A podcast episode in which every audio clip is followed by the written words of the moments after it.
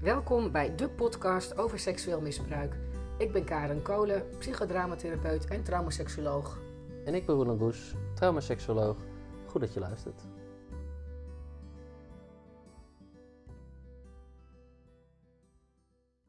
We gaan het vandaag hebben over ehm, de innerlijke schadestructuur, ook wel innerlijke verdeeldheid genoemd. En die innerlijke verdeeldheid die vindt plaats nadat je seksueel misbruikt bent en die verdeelt je in zes elementen. En die zes elementen gaan we vandaag bespreken. En dat zijn de aanpasser, dat is het dader, het is het authentieke deel en het bevroren deel, de externe en de interne getuigen.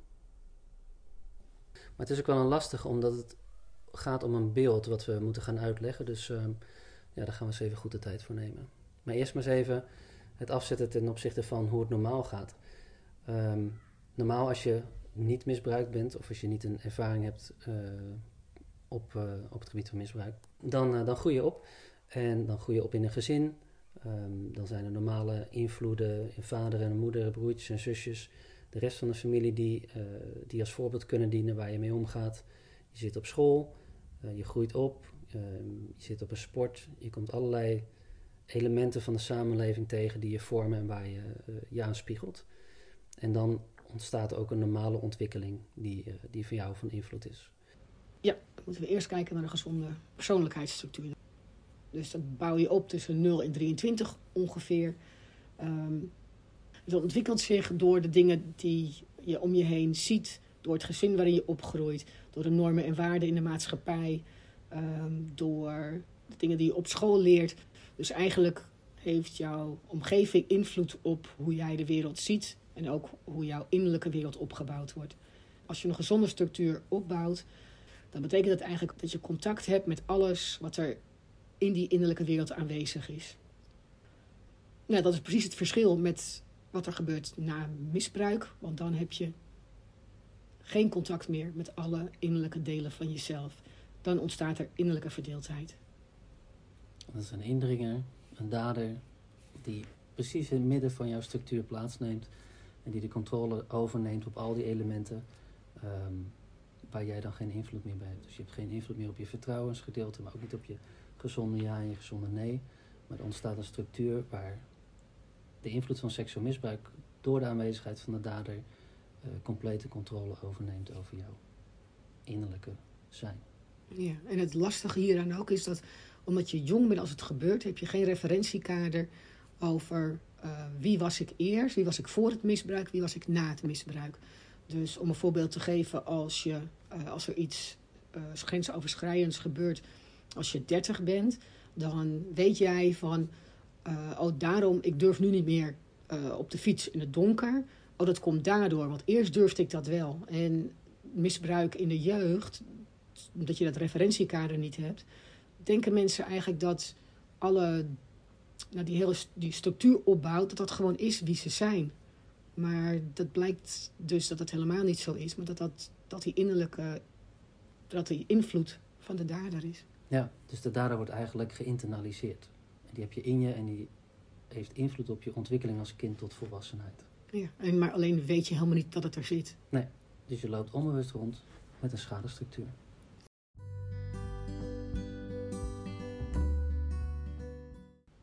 Als eerste gaan we het hebben over het aanpassersgedeelte. Het aanpassersgedeelte dat zit vooraan in je innerlijke schadestructuur. Dat is het gedeelte wat je naar buiten toe aan andere mensen laat zien.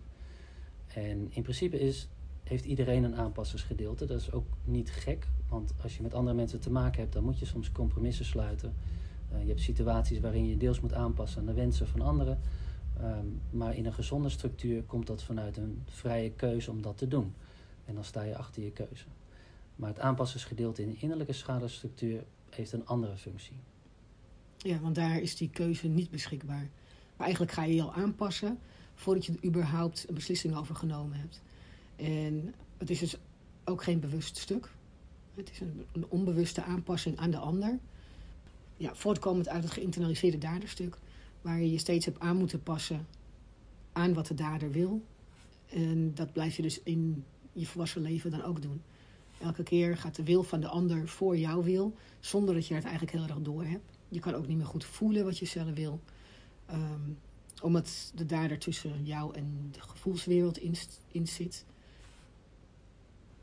Dus het heeft ermee te maken dat de dader op het moment van seksueel misbruik ervoor zorgt dat jouw wil, jouw, jouw autonome wil die je in het begin had in een gezonde structuur, wordt overgenomen door de dader. Dus die wil wordt ondergeschikt van hetgeen wat de dader wil. Want die misbruikt jou, die bepaalt wat er gebeurt. En vanaf dat moment zit die dader in je en um, uh, beïnvloedt die jouw aanpassersgedeelte vanuit wat goed is voor de dader. Dus het aanpassende stuk zorgt er ook nog eens voor dat jouw gedrag ervoor zorgt dat niemand kan zien dat er een bepaald daderstuk in jou zit. Dus het helpt ook nog eens om, um, om het geheim van misbruik zeg maar, in stand te houden. De aanpasser richt zich op de ander, richt zich naar buiten, um, kijkt wat de ander wil en, um, en conformeert zich daaraan. En dat is dus niet een, een bewust proces. Het is niet zo dat mensen in het aanpassende stuk dan denken: oh, uh, Pieter wil dit, dus dan doe ik dat maar. Het is een automatische reactie die net als in het misbruik als overlevingsmechanisme opgestart is. Nu steeds in het volwassen leven ook weer opstart. Waardoor je nou ja, je dus automatisch aanpast aan de ander, heel erg gericht bent op de ander. Um, ook niet goed kan voelen wat je zelf wil. Maar ook dus vaak beter kan voelen wat de ander wil in plaats van wat je zelf wil. Ja, ik zie het bij mij in de praktijk ook wel. Veel mannen die, die besluiteloos zijn, die uh, uh, een partner hebben die eigenlijk altijd bepaalt waar we naartoe gaan op vakantie of uh, hoe we het weekend gaan indelen. En die heel veel antwoorden geven op vragen van zullen we dit doen? En dan zeggen ze nou dat vind ik goed, kiezen jullie maar, ik ga wel mee, ik vind alles prima. of die op hun werk ook alles maar aanpakken en geen nee durven zeggen. Um, dus alles maar goed vinden en niet echt voor een eigen standpunt gaan staan. Ja, en mensen hebben het vaak ook helemaal niet in de gaten. Ze zeggen, nou, zo ben ik gewoon. Ik ben best wel makkelijk. Het maakt me niet zoveel uit. Ja. Um, maar dat is niet uh, omdat ze dat speciaal nou, omdat ze nou echt zo zijn. Maar meer omdat ze dus ook niet, echt niet kunnen voelen wat ze zelf willen. En omdat het stuk gewoon naar buiten gericht is, heb je zelf niet in de gaten van, hé, hey, dat is dat is een automatisch iets en dit wil ik eigenlijk helemaal niet. Of dit is niet mijn keuze om dit te doen. Nee, precies. Ja. Veel van mijn cliënten hebben heel erg moeite met de vraag, maar wat wil jij nou? Ja, dat is, dat is echt een vraag die, uh, die heel slecht te beantwoorden is naar, naar seksueel misbruik. Wat wil ik? Hè? Die vraag, als je die vraag aan jezelf stelt, dan, dan is dat heel moeilijk te beantwoorden. Ja. Maar als je zegt wat wil de ander, dan is dat een veel duidelijker beeld, ja. gericht naar buiten bezig met wat iemand anders wil. Goed zorgen voor de ander.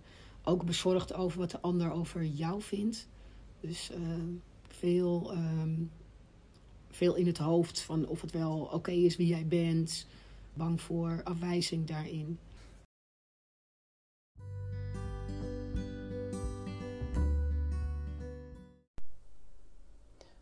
Het tweede element van de innerlijke verdeeldheid dat is de dader. En de dader zit in de positie van je innerlijke schadestructuur direct achter de aanpasser. En die heeft daar een belangrijke plek ingenomen waar, van waaruit hij eigenlijk alle innerlijke verdeeldheid elementen kan besturen.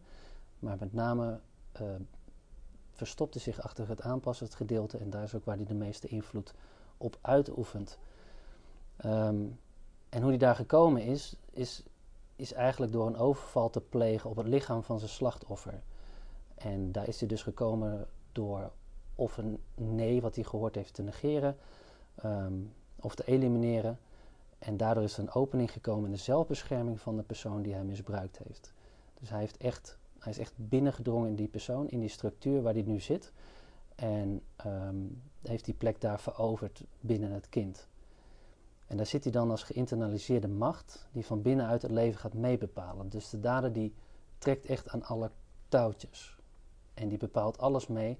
En als je dat gaat zien, als je dat gaat herkennen, dan, ja, dan is dat best wel uh, een confrontatie. Omdat je dan denkt van, oh, maar ook die situatie of uh, die beslissing of uh, die keuze waren beïnvloed door de dader. Dus hij zit echt overal in. Ja, eigenlijk schrik je je rot. Als je eenmaal door hebt of gaat zien waar de dader allemaal invloed op uitoefent. Waarvan je eerst dacht, oh, dat zijn mijn eigen keuzes geweest ga je dan vaak zien van dat het toch de imprint van de dader is. Het geïnternaliseerde stuk in jou, wat daarover meebeslist heeft. Wat trouwens ook nog um, bij het daderstuk hoort, en dan ehm, meer in het algemeen uh, tot uitdrukking komt, is de overtuigingen die de dader eigenlijk ook onbewust aan je meegeeft. Dus sommige daders uh, zeggen dingen tegen het slachtoffer um, die denigrerend zijn bijvoorbeeld. En die ook geïnternaliseerd worden. Maar zijn ook vaak um, onuitgesproken dingen die een dader eigenlijk laat zien. Dat je iedere keer weer naar de dader toe gaat. Dus dat je beïnvloedbaar bent. Dat je grenzen overgaat. Dat je een geheim moet bewaren. Ja, eigenlijk alle boodschappen die de dader inderdaad, inderdaad geeft. Van um, je moet je mond houden, je mag niet praten, uh, jij bent niet belangrijk. Um, wat jij wil is niet belangrijk. Wat jij wil is seksualiteit is niet belangrijk. Je, kan, je mag niet, geen grenzen aangeven. Het is een hele, hele scala eigenlijk aan, aan overtuigingen die, die in je systeem eigenlijk vast komen te zitten door die geïnternaliseerde dader. En uh, dat zijn allemaal overtuigingen die je over jezelf hebt, maar die eigenlijk ontstaan zijn door het daderstuk. Ja, en die kunnen van grote invloed zijn op je leven, want dat, daar, dat kan je benauwen, dat kan je begrenzen, dat kan je ervoor zorgen dat je het gevoel hebt dat je niet jezelf kunt zijn, dat je op zoek gaat naar jezelf, dat je een laag zelfbeeld hebt. Ja. Um, allemaal invloeden die je, die je liever kwijt bent dan rijk. Ja, want het is niet iets wat je leven beter maakt. Ja. En achter de dader zit dan, zitten nog twee elementen. En dat is dan het authentieke kind en het bevroren kind. En daar gaan we het nu over hebben.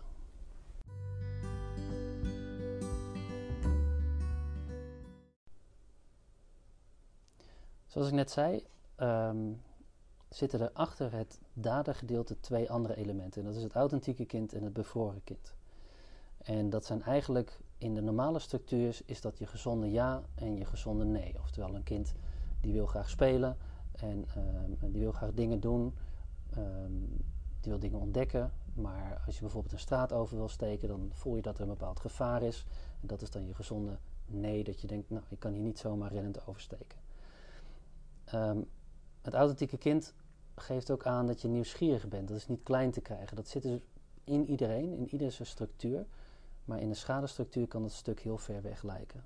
Dat je daar ook geen contact meer mee kunt maken. Maar het is spontaan, het is makkelijk beïnvloedbaar en daar loopt het authentieke kind ook het risico. Want um, door het seksueel misbruik, door de aanwezigheid van de dader in je structuur die aan de touwtjes trekt, kun je dan ook heel grenzeloos worden. En in dat grenzeloze enthousiasme kun je dan weer misbruikt worden. Dus wat je dan ook vaak ziet is bij slachtoffers van seksueel misbruik dat ze op het gebied van seksualiteit ook grenzeloos worden. Met Jan en Alleman het bed induiken, want het leven is één groot feest. Het is leuk en uh, seks moet toch leuk zijn en het leven moet leuk zijn. En we doen alles maar. En op die manier herleef je eigenlijk het misbruik keer op keer weer. En op die manier is ook de bezetter die van binnen dus bepaalt of invloed heeft op dat authentieke kind, waardoor je gedrag aan de voorkant weer anders is dan het zou moeten zijn. Dus het authentieke kind is altijd nauw verbonden ook met het bevroren kind, want die heeft het nee nodig van het bevroren kind om, um, om niet grenzeloos te zijn. Ja, en het authentieke kind, wat ik ook wel belangrijk vind om te vertellen, het authentieke kind heeft ook natuurlijk een heel enthousiast stuk. En dat zie je dan um, vaak terug in je volwassen leven als een stuk wat heel enthousiast aan dingen kan beginnen. Zoals je al zei, wel een ja, geen nee. Uh, dus als er iets voorgesteld wordt of bijvoorbeeld uh, of, je ergens, of je ergens mee naartoe wil, dan zegt dat, dat stuk heel vaak ja. En als één stuk van jou of één deel van jou ja zegt, nou dan moeten de andere delen mee, want je bent nou eenmaal één persoon. Je bent nou eenmaal één persoon met innerlijke verdeeldheid. Dan uh, kan het dus zijn dat je jezelf elke keer in moeilijkheden brengt. Dat je bijvoorbeeld ja tegen iets zegt wat achteraf helemaal niet uitkomt. Of dat je ja zegt om iemand te helpen terwijl je eigenlijk uh, s ochtends uh, vroeg op moet of misschien al andere plannen hebt. En uh, het aanpassersgedeelte kan zich niet goed uitspreken. Uh, is bang de, de ander voor de voor, is bang om de ander voor het hoofd te stoten. Dus dan um, zie je dat mensen enthousiast ja gezegd hebben, dan eigenlijk moet het terugkrabbelen omdat het niet uitkomt, maar niet, wil, niet weten hoe ze dat dan moeten communiceren. En dat je bijvoorbeeld ook aan een opleiding kan beginnen, heel enthousiast ergens aan kan beginnen, maar daar gewoon, dat gewoon niet goed doorvoeld hebt, omdat dat niet beschikbaar is. Of dat wel uitkomt in jouw schema, of misschien heb je het al veel te druk. Dus enthousiast aan dingen beginnen en elke keer deksel op je neus. Dat zie je ook vaak bij het authentieke kind. Ja.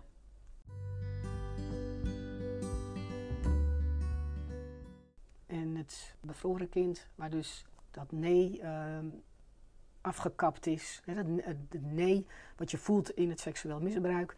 Waar je uh, eigenlijk wil zeggen tegen elkaar dat hij het niet moet doen. Of hij, hij of zij het niet moet doen. Dat je boosheid voelt, dat je walging voelt.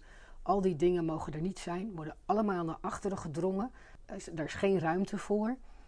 En omdat dat niet naar buiten kan, dus dat je niet kan, uh, die dingen niet kan zeggen, of als je ze wel kan zeggen, dat ze gewoon eigenlijk niet gehoord worden, genegeerd worden, dan zie je dat daar die, die keelblokkade ontstaat. Van wat, wat er aan gevoel in jou speelt, dat je dat niet naar buiten kan brengen. Ja, en het zorgt er ook voor dat uh, als je geen nee hebt, dat heeft invloed op je zelfbescherming. Dus omdat je geen nee hebt en geen nee kunt zeggen, is er geen zelfbescherming. En dat geeft ook weer aan dat um, de invloed van die zelfbescherming, de controle van die zelfbescherming nog steeds bij de dader ligt. Dus daar zie je ook weer het daderinvloed binnen die schadestructuur. Wat voor oorzaak dat heeft op jouw gezonde nee, op uh, het uiten van inderdaad emoties of gevoelens. Als dat niet kan gebeuren, dan komt dat omdat die dader controle heeft gehad of heeft genomen op, jou, uh, op jouw nee. En, um, en daar nog steeds voor een blokkade zorgt. Ja, en dat zie je ook vaak van dat mensen dus een nee zeggen. Um, en wat elke keer weer een ja wordt. Dus dan begin je met een nee, want je voelt, oh, ik wil dat niet. Maar die nee is helemaal niet stevig, is ook heel erg een nee vanuit het hoofd. En um, nou ja, voor je het weet heeft iemand je omgepraat en doe je toch iets wat je eigenlijk helemaal niet wilde. Nee, precies. Uh, wat, je ook, wat ook bij het bevroren kind hoort, is um, gevoelens van machteloosheid, onmacht, hulpeloosheid. Dus uh, depressiviteit na seksueel misbruik. Dat is, zit heel erg in het bevroren kindstuk, wat dan naar voren draait. Dus dan waar niet het aanpassend stuk um, voorop staat, maar het bevroren kind, waar mensen echt in heftige depressies kunnen zitten.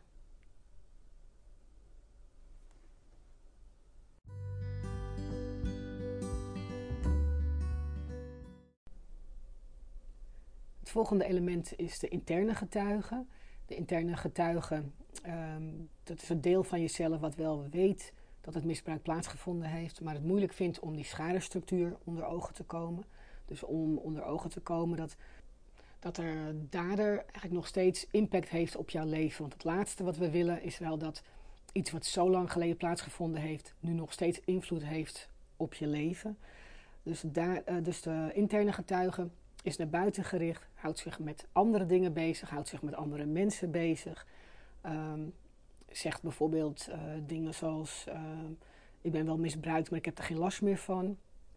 En eigenlijk wat, het, wat, de, interne getuige, sorry, wat de interne getuige veel doet, is um, zich, die houdt zich bezig met afleiden en met verdoven. Dus afleiden, dat uh, kan bijvoorbeeld zijn door heel hard te werken, heel veel te zorgen voor andere mensen. Je stort in projecten van het zorgen voor uh, hondjes in uh, Roemenië. Um, en het verdoven kan je natuurlijk met drank, drugs, eten, en ook met werk. Ja, en wat het interne getuigstuk ook doet, doordat het naar buiten is gericht, omdat je het zelf eigenlijk niet onder ogen durft te zien, omdat het te groot is, te heftig. Want het, is, het is een volwassene die invloed heeft op een kind en een verwoestend effect heeft. Dus je kijkt weg en dan zoek je dus die verslavingen op die uh, verdovende middelen. Maar wat het daarmee ook doet, is de dader ook weer beschermen. Dus doordat je naar buiten bent gericht met je interne getuigstuk, doordat je zelf niet serieus neemt wat je is overkomen, of het niet aan kunt gaan, of te groot voor je is, of bagatelliseert, zorg je ervoor dat de invloed van de dader gewoon kan blijven bestaan. Ja, en angst speelt daar ook een rol bij. De angst ehm, voor, de, voor de dader zelf, de angst of de dader die niet wil dat jij gaat kijken en die eh, daar heel, ja, heel veilig zit. Dus eh, als je gaat, het onder ogen gaat zien, dan komt er ook vaak angst bij kijken. Ehm, nou, er komt angst bij kijken voor hoe groot het is wat er gaat gebeuren. Want je, je gaat het, het beest in de bek kijken, hoe noem je dat? Je, als je echt naar binnen gaat kijken en gaat beseffen wat, er, wat je is overkomen, dan, ja, dan voel je ook van binnen wat, wat voor effect het heeft, heeft gehad en wat de schade is geweest en welke, welke gevolgen er zijn geweest. Dus het kan heel verdrietig zijn ehm, als je er twintig jaar mee rondgelopen hebt. Dat je denkt van, oh maar die twintig jaar, weet je, die ben ik verloren. Of daar, dat had gewoon heel anders kunnen zijn als ik daar eerder mee gedeeld had. Of als ik niet misbruikt was geweest. En zolang je naar buiten gericht blijft als het interne getuigenstuk, dan blijft de opening die de dader in jouw zelfbescherming heeft gemaakt, blijft ook beschikbaar voor andere invloeden, zoals verdoving, zoals ehm, eh, seksuele grenzeloosheid en noem maar op, al die zaken die van invloed op, op je kunnen zijn op het moment dat je misbruikt bent. En het is dus echt zaak om dat interne getuigengedeelte onder professionele begeleiding aan te spreken en dat je naar binnen leert kijken. Zodat je het aangaat, zodat je uitspreekt wat er met je gebeurd is. Ehm, en dat is echt nodig om het daderstuk ook in het licht te zetten. En uh, een eerste stap te zetten om jezelf erkenning te geven en daarmee het proces te starten om de dader er ook uit te zetten.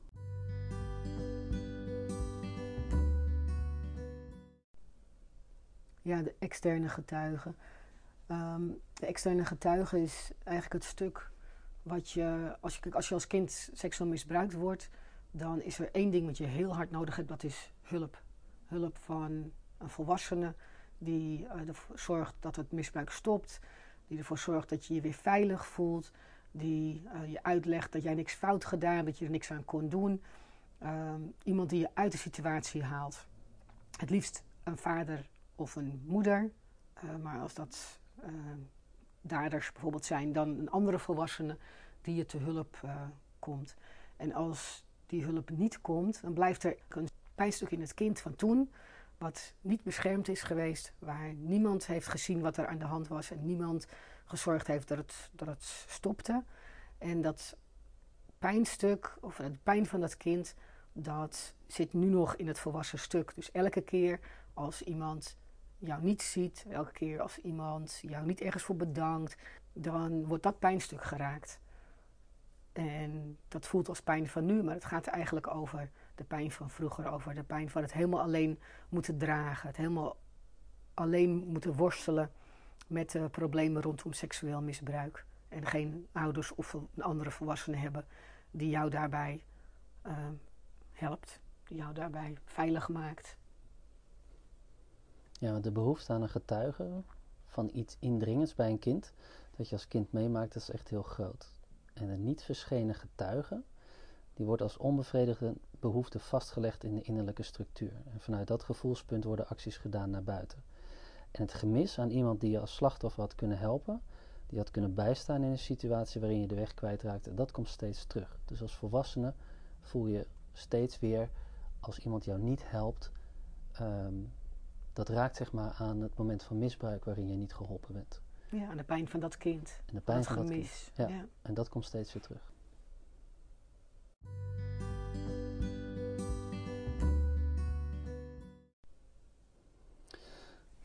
Nou, dat was een beetje de uiteenzetting van de innerlijke schadestructuur. En als laatste, als je die elementen bij elkaar pakt, dan wordt het natuurlijk een smeltkroes van gezeik binnen je schadestructuur. Want die innerlijke afzonderlijke delen die gaan bakkeleien met elkaar. En die komen elkaar tegen. Um, en dat gaat wringen. Want bijvoorbeeld het bevroren kind wat nooit nee kan zeggen, um, zorgt ervoor dat het authentieke kind, wat juist heel graag dingen wil doen, in de problemen komt. En daarmee kun je dus, als je daarover nadenkt, als je dat gevoel bij jezelf hebt, dan kun je gewoon uh, ontzettend van in de war raken. En ook een negatief gevoel en zelfbeeld over jezelf krijgen. Ja, en ik vind ook, ook bijvoorbeeld het aanpassend stuk is altijd op de ander gericht. Het, het bevroren kind zegt inderdaad nooit nee. En dan krijg je tussen die delen, als er wel een soort uh, klein beetje contact of zo is, dat ze elkaar veroordelen. Jij zegt ook nooit nee. En andere mensen kunnen dat wel. Wat is er nou zo moeilijk aan? Dus, je, dus heel vaak zie je dat, het, dat je jezelf naar beneden praat. En dat je, je eigenwaarde is vaak al niet zo groot naar seksueel misbruik. En dat dat dus nou ja, dan niet beter op wordt, omdat je steeds jezelf afkat. Ja, je eigen waarde hou je denk ik onderuit daarmee. Want je, er zit telkens het innerlijke oordeel van, oh doe niet zo stom, of nu doe je het weer, of nu doe je het weer niet. Dat kan natuurlijk ook nog. Ik denk dat je heel duidelijk die gesplitstheid van binnen voelt van die elementen. Dat waar je aan de ene kant in een situatie ja zegt, die heel sterk van binnen voelt, maar eigenlijk wil ik dit niet. En je doet het toch. En dan denk je, maar waarom doe ik dat dan? En dat is omdat ik geen nee kan zeggen. Nee, je kan nooit nee zeggen. Ja, maar dat heb ik ook niet geleerd van mijn ouders. En dan heb je ontzettend weer behoefte aan een getuige die daar naar kijkt en die je dan helpt en die het voor je moet oplossen. Dus het wordt gewoon echt een gezeik. En ik denk dat daar ook heel veel ehm, eh, situaties, bijvoorbeeld binnen een relatie ontstaande problemen of op je werk, dat je uitvalt omdat je je werk niet meer goed kunt managen. Dus het kan voor ontzettend veel gedoe in je leven zorgen. Ja, ik denk het grootste probleem daar is ook is dat er elke keer veroordeling is van jezelf. Ja. Elke keer weer, ik doe het niet goed, ik ben niet goed genoeg, andere mensen kunnen het wel. Wat het lastige hieraan is, is dat die innerlijke elementen met elkaar aan het klooien zijn. Maar waar ze niet mee aan het klooien zijn, is met dat ene stuk wat in je innerlijke schadestructuur zit. En dat is de dader. Dus de dader, op het moment dat je innerlijke stukken met elkaar gaan uh, overhoop liggen, daar heeft de dader alleen maar baat bij, want die kan in het midden gewoon blijven bestaan. Die laat jullie gewoon, die laat die delen gewoon maar ruzie maken en ondertussen blijft hij op zijn plek zitten. Ja, hij blijft buiten schot. Hij blijft buiten schot, exact. En op het moment dat die innerlijke delen zich op de dader gaan richten, dus als je externe getuige zegt, ja, dat is ook vervelend wat je is overkomen, en dat je interne getuige kan zeggen, ja, um, dat ligt niet aan mij, maar dat ligt aan de dader. En, en je, je nee-gedeelte richt zich op de dader van ik wil nu nee kunnen zeggen. En het authentieke kind richt zich naar de dader toe van ik wil gewoon mezelf kunnen zijn. Dan ontstaat er een spanningsveld waarop je de dader eruit kunt zetten. En waardoor je dus als delen naar elkaar kunt kijken en weer heel kunt worden. Ja. Super belangrijke stap. Ja. En het is niet, niet iets wat je in één keer doet. Hè. Het gaat geleidelijk. Maar bij elke stap die je daarin zet, zal je merken dat de macht van de dader kleiner wordt. En dat jij dus zelf meer regie over je leven krijgt. Dat er meer heelheid ontstaat. Minder gekibbel van binnen. Uh, meer kunnen voelen wat je, wat je wel en niet wil. Ja, gewoon meer vrijheid. Meer vrijheid, meer zelfvertrouwen. Ja. Meer mogelijkheid om contact met anderen te leggen. Oftewel, binnen je relatie zal het je helpen. Um, op je werk, binnen je familie. Seksualiteit. Seksualiteit. Seksuele, seksuele keuzes. Ja. Heel belangrijk werk.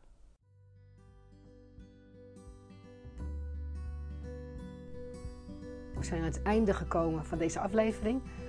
Als je vragen hebt, kan je contact met ons opnemen via onze website allesoverseksueelmisbruik.nl. Kijk ook even naar uh, de website voor het model wat we hier uh, in theorie geschetst hebben. Dus daar staat een mooi uh, beeld over dit, dit model, de innerlijke schadestructuur.